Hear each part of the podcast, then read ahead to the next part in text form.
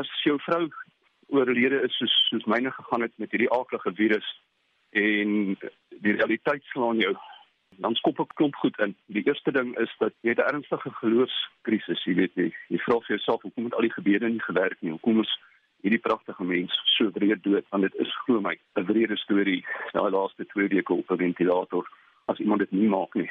En die tweede ding is ek kon nog glad nie sien nie. Weens protokol. So jy weet ek het nou maar gestaan met my ou trekklavier teen onder haar venster speel. Die susters het gesê, weet hulle daai maar opgehou en gesê sy kan hoor.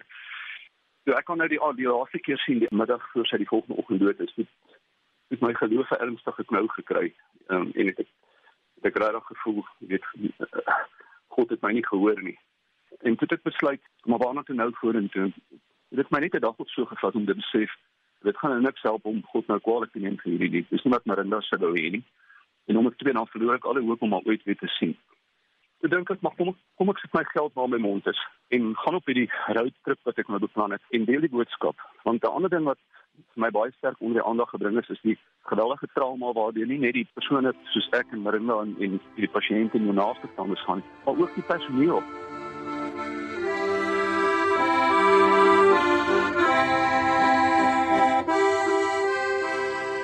Daar's gehuil, ek het saam gehuil. Plek plek het ons bietjie vrolike liedjies gemaak en saam gedans ook om die gemoedere te lig. Maar ja, ek dink as die as die die doel van my tripie was om bewusmaking tot stand te bring, dan het dit geslaag en om gemoedere bietjie op te veeg, dit het ook dit het ook gewerk. Hy sê hoewel hy nog baie seer het, sy besoeke 'n groot bydrae gelewer het tot sy persoonlike helingsproses. Wat is jou opsies as so trauma soos hierdie jou tref? Ek het drie kinders, hulle het my baie ondersteun sonder alles sou dit moeilik gewees het, maar ek kan nou nou hoe kan sit en vir die muur kyk. Ek probeer sê dat ek oor die 60 is minder werk. Ek is in die regsberoep. So jy weet jy baie tyd op hande. Dan sit jy nou in 'n hoek en kyk net vir die vir die dak en kry jouself jammer of lei jou aandag af. En hierdie was maar dink ek 'n poging om aandag af te lei en dit het my baie gehelp. En ook om te besef dat ek nie alleen nie, daar's ander mense ook, jy weet, hulle het my van die intensiewe eenhede laat loop met my trekklaviertjie en die pasiënte se hande selfs vashou en so en ook naby die COVID sale. En dan kom jy diep onder die indruk van die geweldige trauma. Ek meen dat 'n gewone ou gospel liedjie mense wat in daai bed lê kan daai gee 'n idee van die benoudheid wat daar is. Doodsangs, benoudheid. Ek wonder hardop of hy nie bang was om 'n COVID-19 op te doen terwyl hy op sy besoeke was nie. op op stadium het ek amper gedink ek gee nie om nie. Maar dit klink seker onverskillig om dit te sê. Jy weet nie, begin het ek eintlik op 'n stadium vir God gesê wat die tyd ook al is op aarde maak dit nou maar 'n bietjie korter. Jy weet, hoe gaan jy aan met jou lewe sonder jou lewensmaat? Maar dit is dis verskriklik arrogant om dit te sê en klink baie egoïsties. So ja, ek het daaraan gedink, maar ek is ingeënt en jy weet ons het nou nie direk in die COVID-saal met die mense gemeng nie hulle het my maar so buite laat staan die, die personeel gaan nie so onverantwoordelik wees jy weet om ou nou in te vat waar daar regtig risiko is nie Hy glo Marinda is met hom in gees elke trekkie van die pad en hy hoop om onder meer haar vegtersgees te vereer. Sy's regtig 'n sterk mens. Uh om deur hierdie proses te gaan wat ek tot nou toe nie kan verstaan hoekom dit haar moes getref het nie.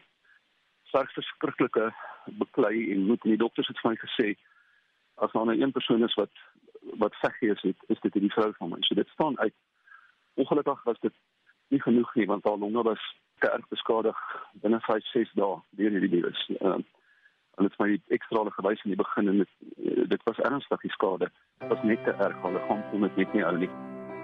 I raise a hallelujah in the presence of my enemies. I raise a hallelujah louder than the unbelief. A hallelujah. Hulle verhaal lok reaksie en navraag van heinde en verre. Ek was nog nooit so moeg soos die afgelope 2 weke nie, dit kan ek vir eerlik sê en dit het nou 'n bietjie van 'n breekpunt bereik en my kinders en ander het nou ook gewaarsku om dit nou net so 'n bietjie kan opvat. Ek is van nature 'n haastige mens en 'n ouer daarvan hou om oplossings te kry en dinge te doen. Maar nou moet ek eers brieke aandraai anders uh, is ek ook dalk in gevaar om hier op te pak. So ek gaan net um, waar ek nou in die Parel is, ek het nou 12 13 hospitale besoek Um, ek dink ek net net so 'n paar dae breek vat met die camper waarop agter staan ode aan Mirinda, so sy sal saamgaan. En ja, Al die pad met 'n lied in die hart. I raise hallelujah. Dis eintlik die woorde wat my aangryp. Presies soos soos 'n mens voel in 'n storm soos hierdie is, ek soos ek sê geneig om te sê nee maar ek gee oor en ek glo nie meer nie. Maar dis juist die tyd nou wat jy dink ek die geloof moet onthou.